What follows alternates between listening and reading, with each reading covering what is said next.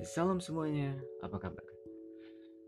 Saya harap kalian baik-baik saja dan tetap baik-baik saja. Tapi jika kalian merasa tidak baik-baik saja, ingat, Tuhan itu baik dan seharusnya kamu tahu apa yang harus kamu lakukan. Ya, balik lagi di podcast Teman Mengasihi bersama aku Niko yang menjadi teman kamu dalam belajar mengasihi. Waduh, bagus kan? Ya, udah sampai di episode 3 kita udah belajar banyak hal tentang uh, kitab Filipi. Tapi kita nggak kenal dengan penulisnya ya nggak sih? Ya menurut aku sih gitu ya. Ya menurut aku lagi kalau kita ingin mengenal suatu tulisan kita harus mengenal minimal tahulah sedikit-sedikit tentang penulisnya supaya kita tahu apa yang ada di pikiran dia gitu Ya udah, kita langsung aja membuka episode ketiga yaitu latar belakang Paulus. Paulus dari Tarsus awalnya bernama Saulus dari Tarsus atau yang lebih dikenal dengan Rasul Paulus dan hidup pada tahun 3 sampai 67 Masehi. Diakui sebagai tokoh penting dalam penyebaran dan perumusan ajaran kekristenan yang bersumberkan dari pengajaran Yesus Kristus. Paulus memperkenalkan diri melalui kumpulan surat-suratnya dalam perjanjian baru di Alkitab Kristen sebagai seorang Yahudi dari suku Benyamin yang berkebudayaan Yunani atau Helenis dan warga negara Romawi. Ia lahir di kota Tarsus, tanah Kilikia, sekarang ada di Turki. Dibesarkan di Yerusalem dan dididik dengan teliti di bawah pimpinan Gamaliel. Pada masa mudanya, ia hidup sebagai seorang Farisi menurut mazhab yang paling keras dalam agama Yahudi. Mulanya ia seorang penganiaya, orang yang menjadi murid-murid Yesus. Ya, saat itu dia masih namanya Saulus ya. Dan sesudah pengalamannya berjumpa dengan Yesus Kristus di jalan menuju kota Damaskus, ia berubah menjadi seorang pengikut Yesus. Pertobatan Paulus dapat diperkirakan antara tahun 33 sampai 36 dengan bukti kuat yang mengacu pada salah satu suratnya.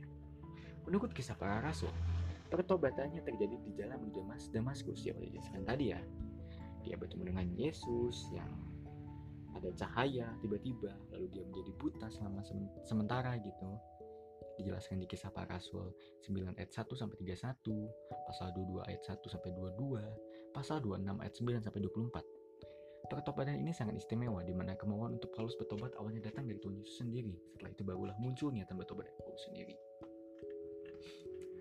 Paulus menyebut dirinya sebagai rasul dari bangsa-bangsa non-Yahudi yaitu bangsa Romawi kuno, bisa dilihat dalam Roma 11 ayat 13. Dia membuat usaha yang luar biasa melalui surat-suratnya kepada komunitas non-Yahudi untuk menunjukkan bahwa keselamatan yang dikerjakan oleh Yesus Kristus adalah untuk semua orang, bukan hanya untuk orang Yahudi. Gagasan Paulus ini menimbulkan perselisihan pendapat antara murid-murid Yesus dari keturunan Yahudi asli dengan mereka yang berlatar belakang bukan Yahudi. Mereka yang bukan dari orang Yahudi berpendapat, eh mereka yang dari keturunan orang Yahudi berpendapat bahwa untuk menjadi Haruslah pertama-tama menjadi Yahudi. Murid-murid yang mula-mula, kayak Petrus, sempat sempat tidak berpendirian menghadapi hal ini. Bisa dilihat di Galatia 2 ayat 11 14. Lalu untuk menyelesaikan konflik ini diadakanlah persidangan di Yerusalem yang dipimpin oleh Petrus dan Yakobus saudara Yesus yang disebut sebagai sidang sinode atau konsili gereja yang pertama atau namanya konsili Yerusalem. Ya, setelah itu Paulus pergi ke Yerusalem dan tiba pada tahun 57 membawa uang sumbangan yang dikumpulkan untuk jemaat di sana dari kota-kota yang dikunjunginya. Ia disambut hangat, tetapi juga ditanya dengan teliti oleh Yakobus dengan tuduhan bahwa ia mengajar semua orang Yahudi yang tinggal di antara bangsa-bangsa yang lain untuk melepaskan hukum Musa. Sebab engkau mengatakan supaya mereka jangan menyunatkan anak-anaknya dan jangan hidup menurut adat istiadat Yahudi.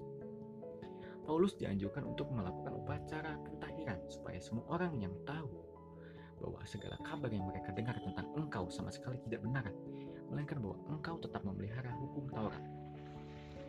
Tidak berapa lama setelah sampai di Yerusalem, Paulus ditangkap dengan tuduhan membawa orang-orang bukan Yahudi ke dalam bait Allah. Paulus dibawa ke markas tentara Romawi dan dihadapkan kepada gubernur Romawi Antonius Felix di Kaisarea. Ia ditahan selama dua tahun sampai gubernur yang baru, Pericius Festus membuka kembali kasusnya pada tahun 59. Karena tidak mau diadili di Yerusalem, Paulus menyatakan banding kepada kaisar, sehingga kemudian ia dikirim ke Roma dengan naik kapal.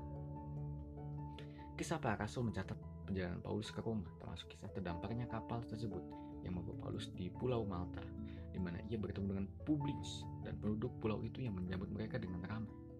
Setelah tiga bulan di sana, Paulus berangkat lagi dan tiba di Roma tahun 60. Ia tinggal selama dua tahun dalam tahanan rumah, bisa lihat di kisah para rasul 28 ayat 16. Seluruhnya, Paulus menghabiskan lima setengah sampai enam tahun dari masa pelayanannya sebagai orang tahanan di dalam penjara. Irenaeus, Bapak Gereja pada abad kedua, mencatat bahwa Petrus dan Paulus adalah tokoh-tokoh utama gereja di Roma dan mereka telah menunjuk Linus sebagai uskup gereja Roma, meneruskan tugas mereka. Paulus bukan uskup gereja di Roma, tampaknya juga bukan perintisnya karena sudah ada orang-orang Kristen di Roma ketika Paulus tiba.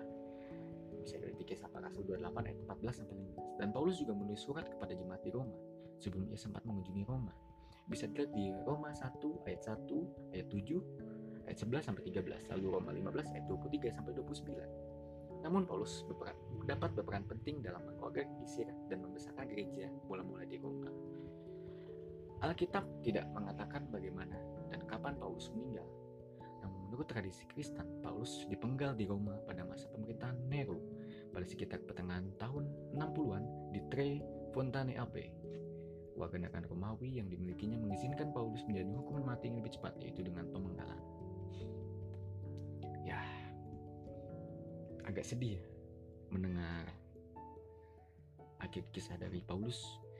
Tapi itu bukan berarti kita harus takut ketika kita melakukan penginjilan, ketika kita melakukan pertobatan gitu ya. Karena memang ketika kita mengikuti Yesus akan banyak sekali resiko yang harus kita tanggung. Salah satu contohnya adalah memikul salib Yesus yang pasti sangat berat bukan?